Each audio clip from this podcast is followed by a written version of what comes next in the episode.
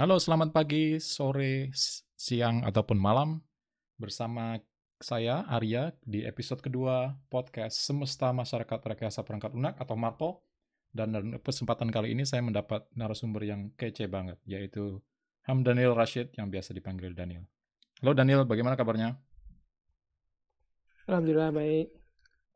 Mana perkenalan dulu dong. Oh ya, nama saya Rashid, bisa dipanggil Daniel. Sekarang software engineer di Google udah sekitar enam tahun. Asli dari Riau. Udah. Eh, enam tahun sekarang berarti. Ting ya, sekarang tinggal di ya di California di Sunnyvale, dekat kantornya kantor pusatnya Google. Enam tahun berarti bergabung Google tahun berapa tuh? 2013, berarti udah hampir tujuh tahun. Iya betul, hampir tujuh tahun. Akhir Ya, 2013. ini klasik engineer banget ya, off by one error. Eh? Enggak, bener 6, belum sampai 7 karena bulannya belum nyampe. Wah, akurat akurat ya. Um, jadi Daniel ini bekerja di markas markas besar Google di Mountain View, California. Sebenarnya saya dan Daniel ini relatif berdekatan kediamannya. Mungkin kurang dari 10 kilo Iya. ya. Beda kecamatan lah kalau di istilah Indonesia. betul. Uh, ya kadang juga sering main, cuma berhubung masalah pandemik COVID, ya Hmm. kita bersatu kembali di dalam sebuah podcast. Hmm. Sip, sip.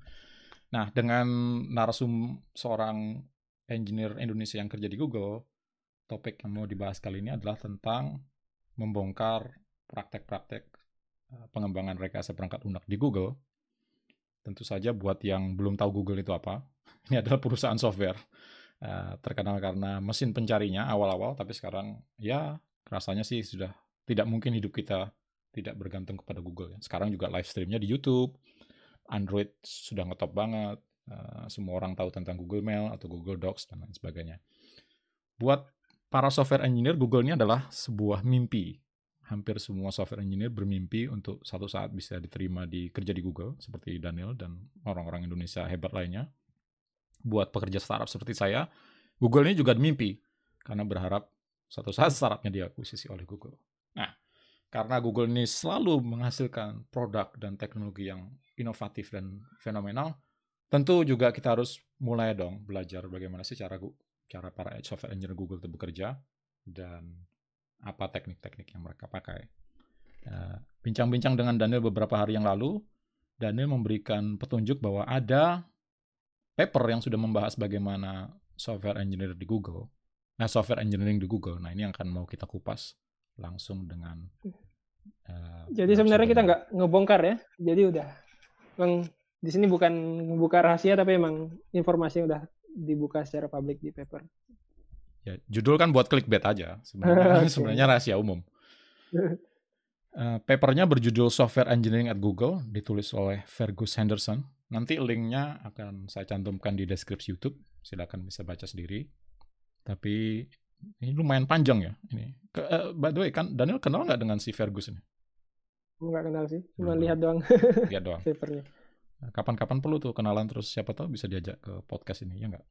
Oh, Oke, sip sip.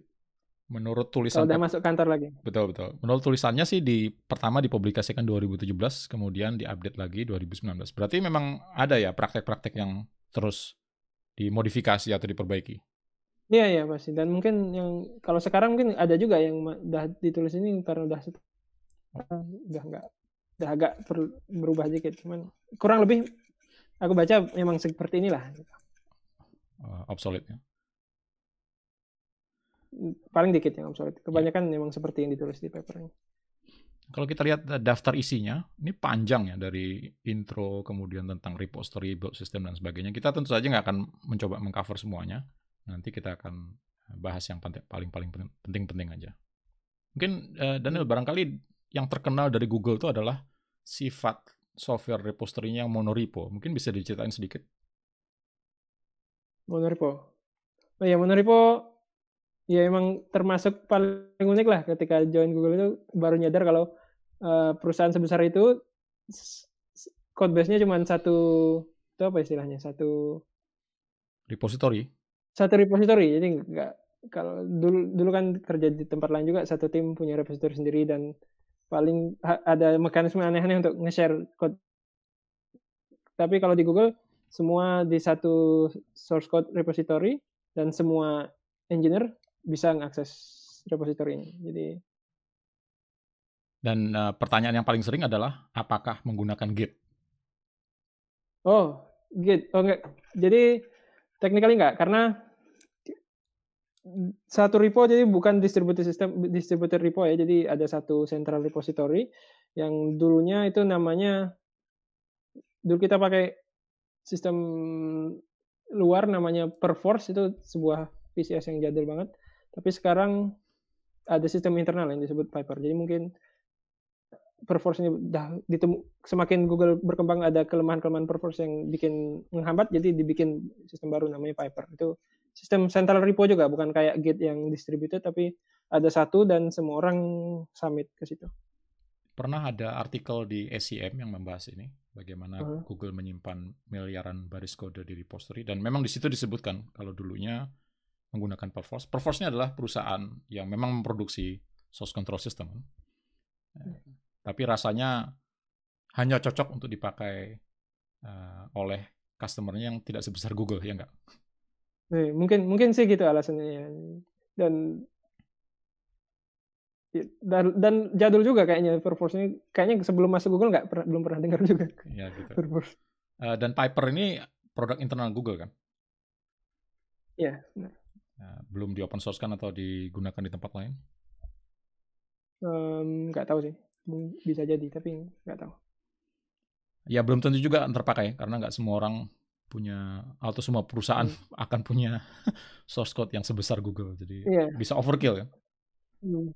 terus mengenai Git tadi jadi walaupun central repository-nya bukan pakai Git cuman ada untuk local development kan enak juga pakai Git atau pakai Mercurial biasanya bikin branch bikin sendiri gitu bisa check out check in sendiri itu biasanya ada tooling untuk internal biar bisa coding pakai Git di di komputer sendiri tapi ketika harus ngecek in ke ke central repo baru harus berinteraksi dengan Piper. Oh, menarik menarik. Uh, untuk sehari-hari setiap software iya. engineer bebas ya atau mau pakai Piper bebas langsung? ya, bebas karena ya. hmm punya Git lokal kan eh, berguna juga walaupun nggak nggak pakai fitur distributednya cuman bisa commit, bisa bisa kembali ke semula atau bisa bikin branch terus di merge lagi itu kan berguna juga kan walaupun nggak buat betul, interaksi. Betul. Dan uh, Git atau Mercurial ini sudah sangat populer, jadi best hmm. practice dan cara pakainya, dokumentasinya juga di mana-mana ada. Iya benar-benar ada di Stack Overflow kalau bingung.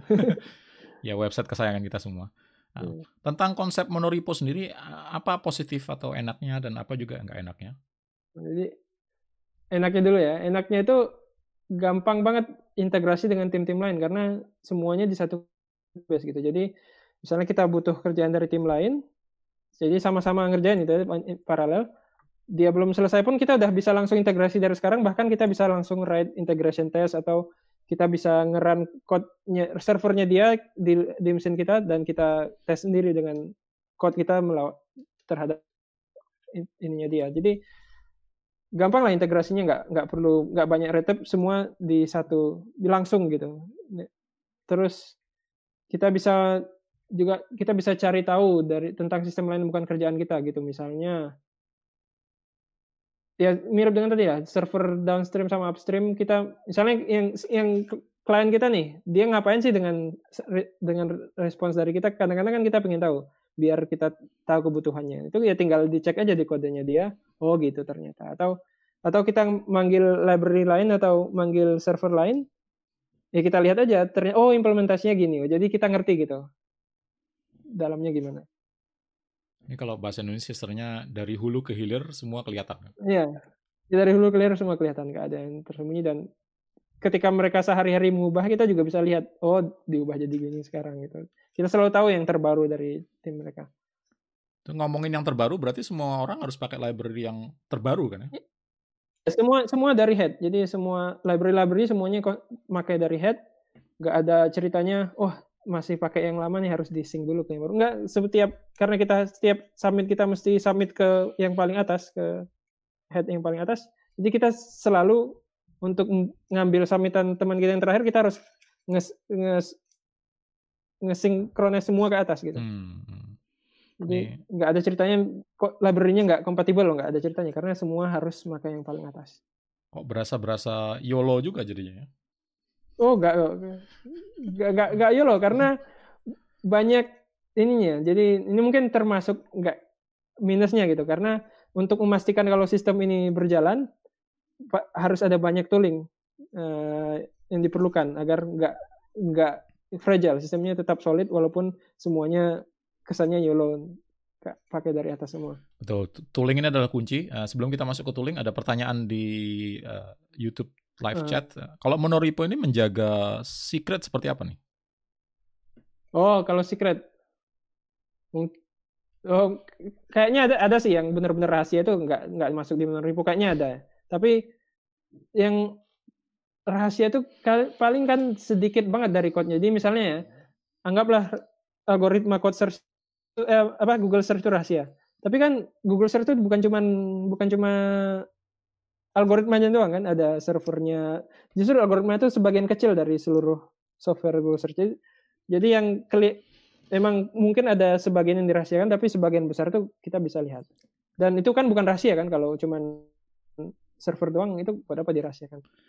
Betul juga karena untuk perusahaan software zaman sekarang, misalnya, misalnya aja ya, seluruh source code Google itu bocor ya nggak akan berarti besok kita bisa bikin saingan Google kan. Memangnya bisa dikerjakan bener, segampang bener. itu. Yeah. Yeah. Jangankan orang luar Google ya, mungkin orang dalam Google yeah. sendiri memahami semua source code juga pusing kan. Iya, cara deploy-nya gimana, terus cara biar bisa scale dengan mudah gimana kan bukan cuma kodenya tuh yang bikin software-nya jalan. Lengkap ya. Terus sekedar intermezzo atau sampingan hmm. sedikit, hmm selain di Google ternyata monorepo ini juga diadopsi di tempat lain. Contohnya uh, Facebook itu menggunakan monorepo yang berbasis Mercurial. Mercurial sampai-sampai mereka juga harus memperbaiki atau mem, me, menambah fitur tertentu di Mercurial supaya bisa berfungsi dengan skalanya Facebook. Hmm. Ya, mungkin uh, uh, apa filosofinya sama seperti Google tapi nggak menggunakan Piper tapi memanfaatkan hmm. Mercurial. Ini fenomena menarik beberapa tahun yang lalu, enam tahun yang lalu kira-kira. Kemudian ada juga Microsoft. Ternyata Microsoft sudah migrasi atau menghijrahkan seluruh source code Windows, Microsoft Windows yang kita tahu sehari-hari ini, hmm. kita pakai, itu ke Git. Dan ini diklaim sebagai repository Git terbesar di dunia. Hmm. Dan tapi pakai gimana ya biar sentralisasinya kalau pakai Git gitu? ada ada beberapa fitur yang menarik supaya nggak semuanya harus di check out. Masalahnya kan kalau kita hmm. harus check out semuanya kan ya ambiar kan hmm. nggak nggak mungkin cukup kan hmm. space-nya. Uh, terus ada nggak, mungkin maksudnya source source terusnya reponya siapa gitu kalau pakai gitu. Uh, mungkin yang sentral. Entah siapa. Punyanya Satya Nadella. Betul, di clone semua. Seperti ya, kernel harus Linux ya. Hmm. Ya, mestinya rasanya ada sistem tersentral yang membuat build-nya itu yang dijadikan seperti hmm. sumber otoritatif. Cuma okay. sekali lagi Git awal Git dan Merkle awalnya nggak dirancang untuk monorepo. Mungkin hmm. mungkin karena ini Google bikin sendiri dulu ya karena waktu itu yeah, yeah. sangat sulit kan. Ya. ya. jadi masing-masing jadi Facebook dengan Windows mungkin berusaha mengadaptasi Git dan Merkle biar bisa, tapi Google milih wah punya capek bikin sendiri aja. Gitu. Tuh, zamannya berbeda. Jadi mungkin bagi Microsoft dan Facebook lebih mudah memodifikasi Mercurial dan Git kan untuk bisa scaling hmm. daripada harus dari nol. Oke, itu hmm. Uh, fenomena bahwa menarik, bisa di, bisa dipakai di tempat lain. Tapi lagi-lagi kembali yang dibilang Daniel tadi, kalau pakai Piper ataupun Mercurial ataupun Git tiba-tiba aja untuk source code yang miliaran baris tapi nggak ada toolingnya. Nah ini kan ya buyar juga gitu. Iya. Jadi ya. Gawat nanti teman buildnya kompilnya rusak di sana terus kita jadi nggak bisa kerja gitu kan nggak lucu. satu perusahaan malah nggak bisa kerja kan karena sentral. Satu perusahaan nggak bisa kerja kalau ada yang, yang break low level library gitu ada yang ngebreak. Terus nggak tahu cara benernya gimana, pusing. Bisa diceritain nggak alat bantu atau perkakas apa yang harus dikuasai nah, oleh itu, engineer Google?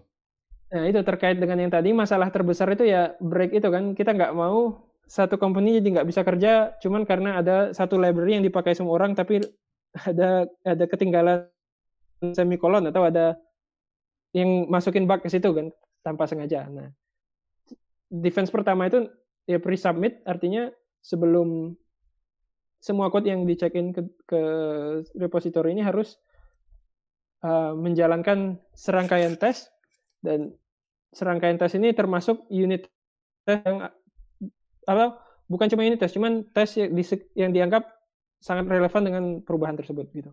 Jadi misalnya unit termasuk unit tes atau integrasi tes atau bahkan kadang-kadang dua dua dua dua lapis di atas itu. Jadi misalnya unit tes, tes semua tesnya penggunanya juga di, dijalankan juga dan ketika semuanya semuanya berhasil, semuanya pas baru bisa code-nya bisa masuk gitu. Uh, downstream efek downstream tadi kan? Iya. Ya. Iya benar. Downstream. Jadi kalau misalnya lupa semikolon ya nggak mungkin masuk lah kalau lupa semikolon atau kalau ada bug yang minus jadi positif itu pasti ada unit test yang menangkap gitu. Tapi tetap aja kadang-kadang ada gitu. Misalnya tiga layer, tiga lapis di atas tetap ke breakage gitu karena dia punya asumsi behavior library ini gini ternyata diubah. Jadi akan ini kalau kayak gini perlu continuous integration. Jadi uh, si si pengguna dua dua lapis di atas itu akan ketika dia naik ke head dia akan nyadar oh sekarang integration testku rusak nih Integrasi, atau malah kalau library bisa unit testnya rusak unit testnya break dan dia ada tooling untuk mencari kayak pakai kayak semacam binary search itu di mana di mana ininya di mana di mana commit yang mana yang menyebabkan kerusakan ini dan setelah tahu ya udah bisa dideteksi dan bisa di di rollback. Oh ini ya bukan malah si biang keroknya dipukulin ya? Oh kadang kadang ya kalau terlalu eh, kan karena udah ada pre-summit gitu jadi biasanya hal-hal yang kayak gini terjadi itu karena tidak sengaja. Jadi nggak mungkin ada yang ceroboh gitu. Kalau ceroboh pasti ketangkap ketangkap pre-summit cuman biasanya yang terjadi itu ya hal-hal nggak sengaja. Dan biasanya orangnya nggak disalahin asal dia langsung aktif gitu membantu rollback. Bukan ini ya bukan malicious intent kan?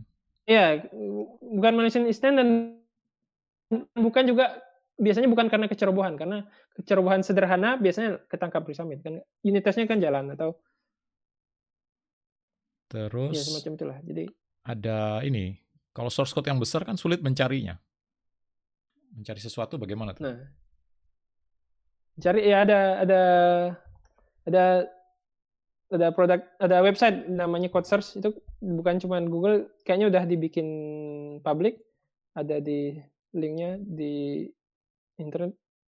Itu bisa bisa ngelihat apa aja yang ada. Jadi bisa kayak kayak Google Search cuman yang ke search code base kita dan bisa tahu library ini dipakai di mana aja atau uh, pakai keyword gitu. Misalnya nama nama function ini dipak, di, muncul di mana aja. Atau kalau lihat error code oh error code ini munculnya dari mana? Itu bisa di, di, diketahui dari code search barangkali yang perlu kita lupa sebutan sebutkan tadi walaupun um, walaupun Google menggunakan monorepo, tetapi proyek open source Google terpisah ya, seperti Android dan Chromium. Iya, iya. Gak tahu gimana integrasinya, tapi ya setahu setahu Android sama Chromium terpisah dari dari, Ini, dari monorepo. Mungkin karena open source-nya itu, jadi biar nggak kecampur. Si code source developers Google ini bisa dibuka, tapi justru kalau membuka yang CS Android malah eh, nggak uh, cocok. Mungkin ada oh, masalah, masalah login. Nah, tapi nggak apa. Nah, uh, sebentar ada pertanyaan dulu di live stream. Pernah ada kasus kisruh menggunakan monorepo nggak? Wah ini kisruh. Mungkin mungkin tadi yang tadi diceritakan tadi git blames atau ada regression terus orangnya ketemu gitu. Orangnya ketemu. Ya karena ya kadang-kadang terjadi lah ya namanya manusia pasti ada yang ini kan. Uh, mungkin apakah dia ter dikejar deadline. Kadang-kadang dia ngebreak ngebreak punyanya orang, tapi dia nggak mau ngembaliin, nggak mau rollback. Oh itu kadang-kadang bisa, ya nggak berantem beneran lah, cuman adu adu argumen lah. Wah kenapa ini kan kamu salahmu, kenapa nggak bertanggung jawab gitu. Ya kayak gitu kadang-kadang terjadi, cuma jarang sih. Nggak sampai dipotong gaji kan? Oh nggak nggak nggak. Kalau untuk linting seperti apa? Ada? Ya yeah, benar. Jadi linting salah satu ininya, ya, salah satu metode lain agar code code base yang sebesar ini tetap konsisten. Jadi banyak sekali hal-hal yang biasanya itu terserah. Tapi kalau ngecek in ke Google itu harus misalnya kalau Java gitu biasanya identitas identitasinya harus dua dua baris gitu kan? Eh, apa dua misalnya kalau ada if di bawahnya harus dua dua dua karakter ke kanan. Nah itu ada ada aturannya dan aturannya itu kadang-kadang panjang dan semuanya di di enforce secara otomatis. Jadi ketika kita ngirim code kita, dia bakal komplain, oh ini belum dibenerin nih. Gunakan gunakan command line ini nanti semuanya dibenerin gitu. Jadi code style-nya banyak yang otomatis konsisten karena karena linting ini. Oh, malah ada command line-nya untuk otomatis ya, memperbaiki semua. Nggak semuanya, tapi sebagian besar tinggal dan komennya. Jadi kayak ya lang biasanya malah sebelum kirim shell jalannya aja komennya. Jadi otomatis sesuai yang bisa lah. Ya, misalnya kayak gampang-gampang kayak identasi atau cara membagi line yang kepanjangan jadi jadi dua baris. Nah, itu hmm. ada ada deterministik caranya semuanya. Di dunia open source juga ini sudah lazim karena ya capek dong kalau kita harus mereview baris berbaris kan supaya sesuai dengan yeah, yeah, yeah. Terus tentang code ownership. Nah. Kepemilikan uh, di directory. Hmm, jadi benar karena karena ininya gede kan, karena reponya satu company punya satu repo, jadi setiap setiap jadi nggak bisa satu orang jadi owner semua. Jadi biasanya directory structure itu terkait juga dengan ownership structure ini. Setiap directory bisa dideclare, wah directory ini nih kerja punyanya timnya ini, ownernya adalah dua orang ini. Jadi dua orang ini nggak bertanggung jawab dan dia yang bisa nge nge-approve hal-hal yang masuk ke code itu dan harus salah satu dari mereka harus harus approve kalau ada yang masukin code ke situ. Uh, nggak bukan berarti setiap directory ada ownernya ya. Kalau kalau misalnya cukup top level directory di bawahnya akan yang di atas. Oh gitu. Jadi kalau mencari Dan, algoritma owner ya kita lihat di direkturnya ada apa enggak. Kalau enggak ya naik iya, pelan-pelan. enggak ya naik naik, naik pelan-pelan. Dan ini dan ya dan daftarnya itu ada di di di code di code-nya sendiri. Jadi kayak ada filenya pasti ada lah satu kalau directory ada file yang namanya owner nah itu isinya daftar owner kalau nggak ada ya tinggal di atasnya dan daftar owner ya nama orangnya ID-nya ini bagus sekali kita nggak perlu mencari-cari di wiki ya, atau tanya-tanya kan ya, Ya, dan itu di, di enforce juga dari code, segi code review ketika ngirim code review. Jadi nanti kita bicarain code review karena di bawah oh. di dokumen. Tapi ketika submit harus ownernya harus approve. Jadi enggak orang dari luar harus minta restu lah dari dari ownernya dan kalau nggak itu sistemnya akan menolak menolak cek commit. Dengan repo sebesar Google, proses build-nya berapa lama tuh?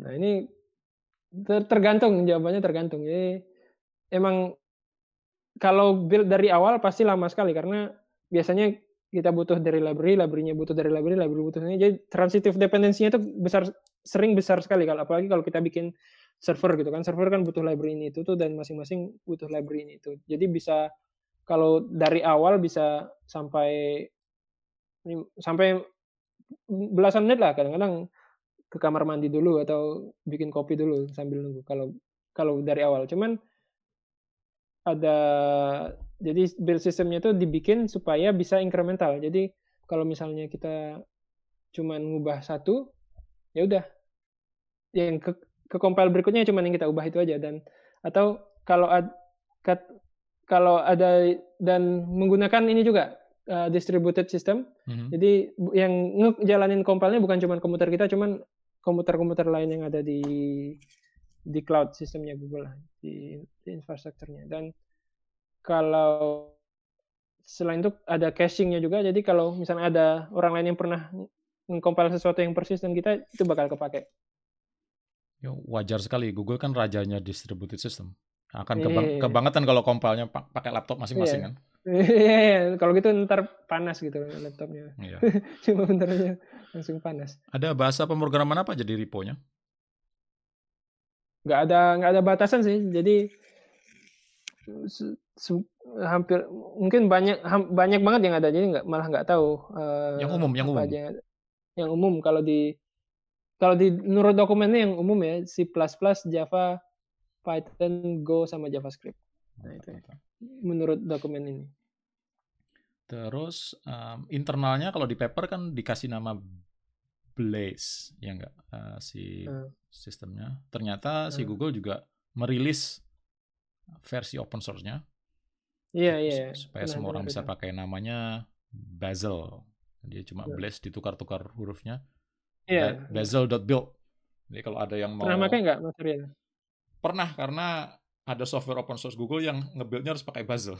Oh gitu. Jadi terpaksa belajar. Walaupun nggak belajar ya, cuma download, install Java, install Bazel, kemudian dia jalan sendiri. Tapi konsepnya benar-benar sama persis. Ya memang ini kan uh, cuma versi open source-nya.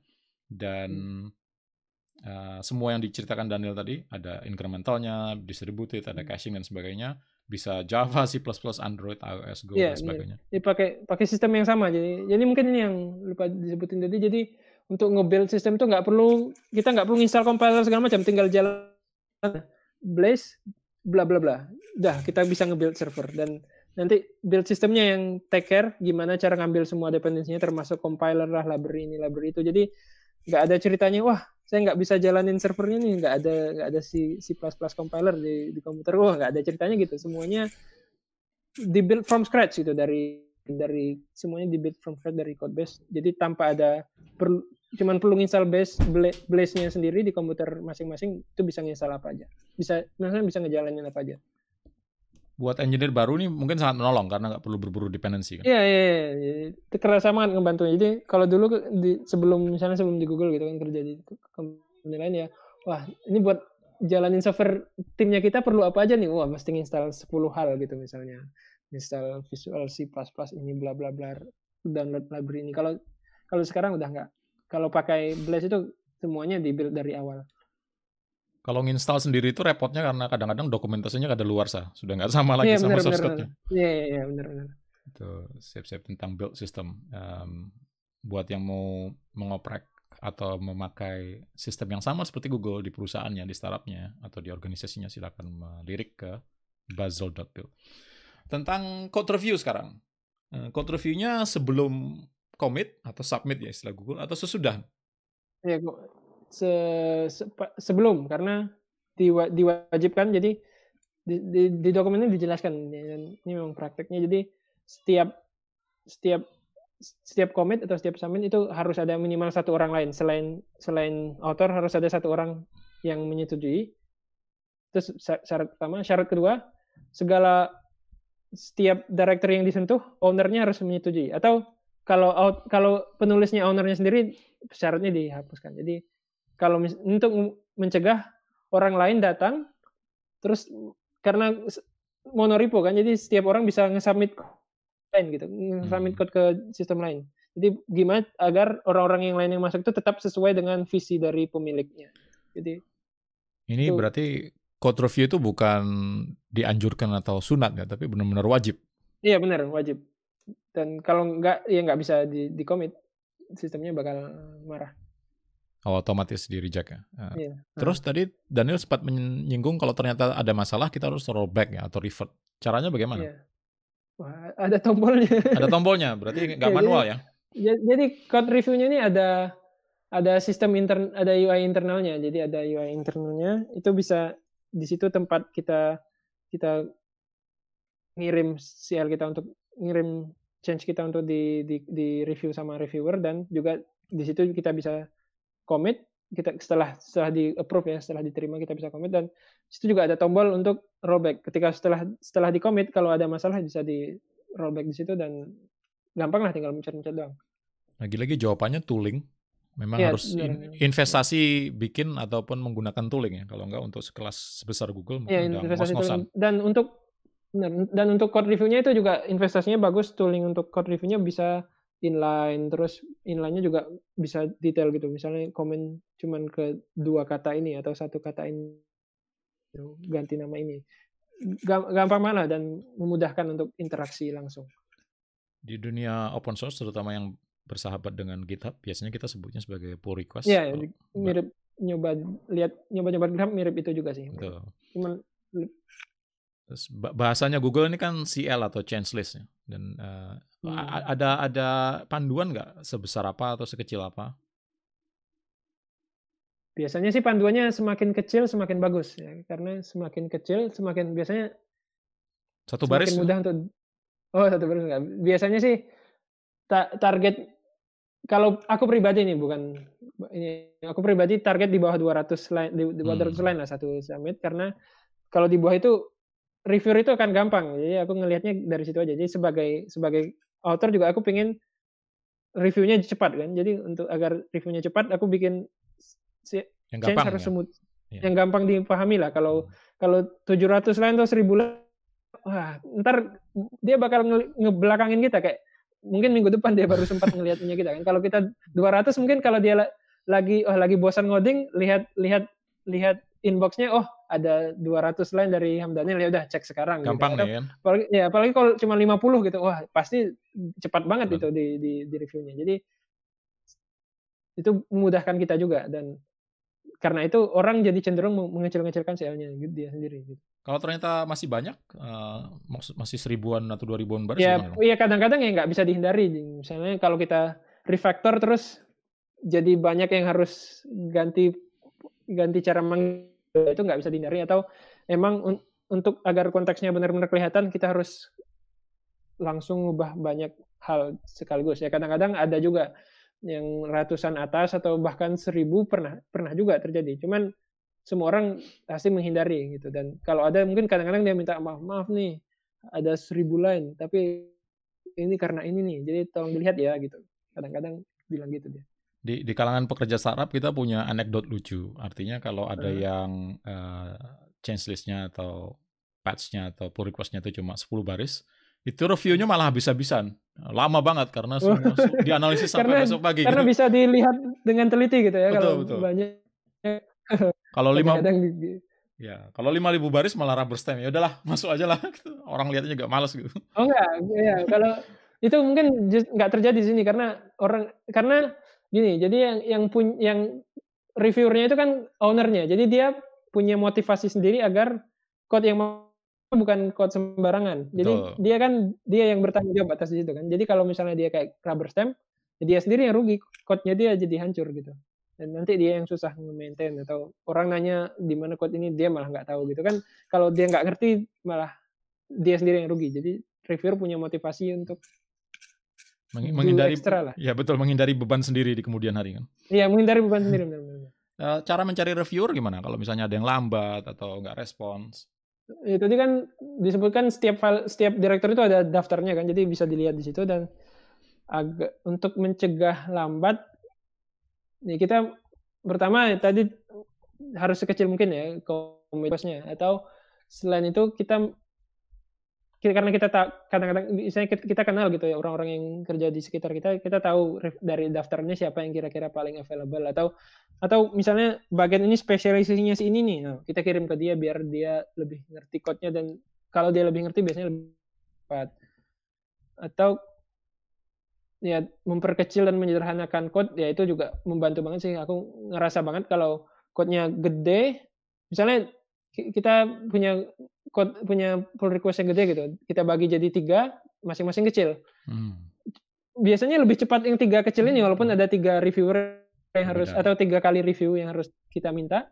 Tapi biasanya ujung-ujungnya totalnya jadinya malah lebih cepat dibanding kalau kita paksakan semua di satu pull request tapi kita orang jadi nge ngedahuluin yang lain gitu nggak ngedahuluin review kita. Terus kalau emang kadang-kadang ya nggak bisa dihindari lagi misalnya terlalu sibuk atau reviewernya ngerjain yang lain dan nggak lu nggak tahu terlalu atau kerjaan kita terlalu rumit untuk di ngerti dia dalam code review ya kita harus bicarakan lewat email atau face to face atau chat ya kadang-kadang harus sih Memang code review kan cuma tooling, cuma substitusi yang namanya komunikasi antara engineer Iya. yang paling penting di situ. Eh, sebelum kita masuk ke segmen terakhir dan berikutnya, eh, kita lihat YouTube live chat dulu. Bu Ismon Zakia, Pekanbaru. Salam buat Daniel. Wah. Sat- satu kampung kita Wah, mantap, mantap. Terus ada pertanyaan, Google pakai version control system buatan sendiri kah? Iya, tadi barusan dibahas, bisa lihat di, juga di papernya.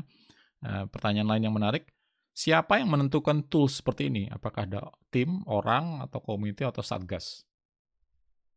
ya benar ada ada ada timnya yang bertugas buat jadi jadi bukan sukarelawan doang ya jadi emang ada tim yang mungkin sejumlah orang emang kerjanya sehari-hari bikin tool, nambah fitur atau perbaiki bug emang ada sih. Sip, sip. Uh, Oke, okay, kita lanjut ke yang terakhir, testing. Nah, um, sebelum sebelum dijelaskan Daniel, satu yang menarik kalau berkunjung ke kantor Google itu ada yang ada yang namanya konsep testing on toilet. Nah, testing on toiletnya adalah hmm, seperti apa ya? Mungkin fotonya lebih jelas. Ada selembar kertas yang dicetak dan ditempelkan di toilet yang mungkin dilirik orang ketika sedang ke toilet. Ini iya, kan? topik, topik di depan di, ya, di, di depan atau di samping tempat tempat toiletnya ya. Betul. Ini suka Jadi kalau lama di toilet bisa sambil lihat. Uh, suka ada yang memposting foto-fotonya. Ini ada tentang kenapa harus pakai anonimasi, kemudian ada juga uh, test coverage dan sebagainya. Ini ada ringkasan yang bagus nih. Kalau banyak tesnya, itu biasanya coveragenya tinggi. Tapi kalau coveragenya tinggi, belum tentu unit tesnya bagus atau tes uh, kodenya bagus. Ada artikelnya dari zaman 13 tahun lalu, mengapa Google mencantumkan testing on toilet dan bisa dilihat sendiri, bisa dibaca sendiri artikelnya. Uh, nah, pengalaman Daniel sendiri bagaimana untuk tes seberapa penting, bagaimana cara bikin tes dan sebagainya? Jadi kalau menurut gue sih tes itu ya kalau secara internal emang dari segi budaya udah mewajibkan gitu setiap melakukan perubahan harus ada tes yang membuktikan kebenaran code-nya itu. Jadi code reviewer kan nggak mungkin bisa jalanin misalnya kita ngirim 100 line code ya kita reviewer kita nggak mungkin bisa ngejalanin 100 code itu dalam otaknya sendiri dan mastiin kalau semuanya benar itu, itu bukan bukan kemampuan manusia lah bisa jalan kayak gitu apalagi kalau dia sehari-hari harus review banyak code ya, jadi bukan tugasnya kan? Ya bukan tugas dia. Jadi tugas tugas kita sebagai penulis code menambahkan tes yang membuktikan apa-apa saja yang sebenarnya kita pengen support dari fitur apa saja. Misalnya nambahin fitur ya kita tes kalau memang fitur ini jalan sesuai kita tulis di code-nya. Atau kalau ngebenerin bug ya memang tes yang nge-reproduce bug-nya dan dan setelah tesnya ditambahkan kita bisa tahu kalau bug ini nggak akan terjadi lagi gitu. Dan kalau tes kita kurang ya itu reviewer akan minta wah ini tesnya yang buat ini kok nggak ada gitu tambahin dong dan itu wajar aja jadi nggak boleh sewot kalau dimintain nambah tes. Wah nggak boleh baper berarti ya? Oh nggak boleh baper ya. Kalau ukuran coverage-nya sendiri ada standarnya kah? Uh, kayaknya ada tooling ya, cuman aku sendiri pribadi nggak nggak ngelihat itu sih. Jadi aku lebih kalau aku jadi reviewer aku lebih melihat code-nya terus oh ini kan dia pengen implement ini. Jadi aku aku ngelihat tes yang untuk fitur itu eh, cukup nggak? Jadi manual aja. Aku kalau aku pribadi hmm. manual udah cukup belum tesnya dan kalau ada belum ya diminta Enggak ada harga. Satu lagi. Enggak ada harga hmm? mati ya? Enggak, enggak ada, enggak. Bisa dinego. Aku sih enggak biasanya enggak. Bisa dinego dan. Bisa dinego. Kadang-kadang ada hal yang terlalu silly bahkan enggak misalnya kalau terlalu sederhana dan kalau ditambahin tes malah kesannya mengada-ada kadang-kadang ya, nggak usah deh kalau ini. Malah jarang kan malah ya. Kesannya kan iya. mau menyembunyikan sesuatu. Hmm.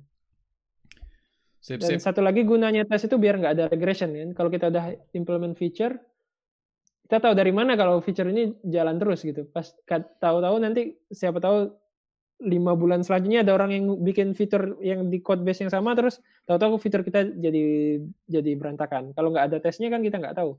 Tapi karena ada tes dan tesnya selalu jalan di pre-submit dan post-submit di continuous integration. Jadi kalau ada regression ya pasti bakal ketangkap lah. Jadi sebagai sebagai penulis code juga kita pengen mastiin kita nggak akan tahu-tahu ngebug di tengah jalan lima bulan ke depan atau satu tahun ke depan. Jadi karena itu juga kita bikin tes untuk mengamankan diri kita lah, mengamankan fitur yang kita miliki.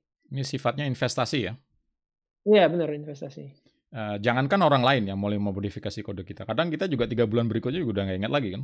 Iya iya, udah nggak ingat lagi semua yang semua bug yang pernah kita fix, semua fitur yang pernah kita bikin. Kalau nggak ada tesnya nggak ada, benar-benar flying blind lah, nggak tahu sama sekali kita apa. Sip sip, mantap sekali. Um, Sebenarnya banyak yang mau kita bahas. Mungkin satu saat nanti kita bikin sequelnya atau lanjutannya. Hari ini kita sudah oh, mengcover uh, repo dan build, kemudian code review dan test. Uh, dan ini pasti bersedia ya kalau kapan-kapan kita oh, ajak lagi. Ya. Kan masih ada pastinya. bug tracking, rilis, Iya. postmortem dan sebagainya.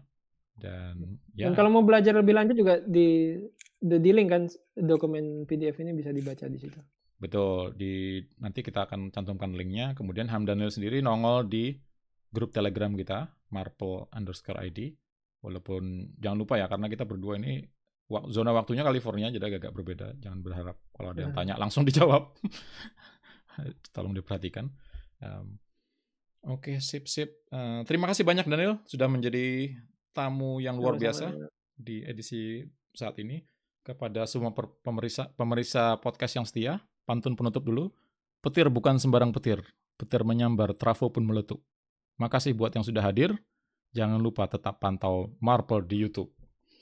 Sekian dulu podcast Semesta Marple yang kedua. Mohon maaf kalau ada kekurangan. Mari kita rajin meninggalkan hal ihwal yang sia-sia dan fokus ke kegiatan yang bermanfaat. Sampai jumpa. Sampai jumpa lagi di edisi berikutnya. Terima kasih.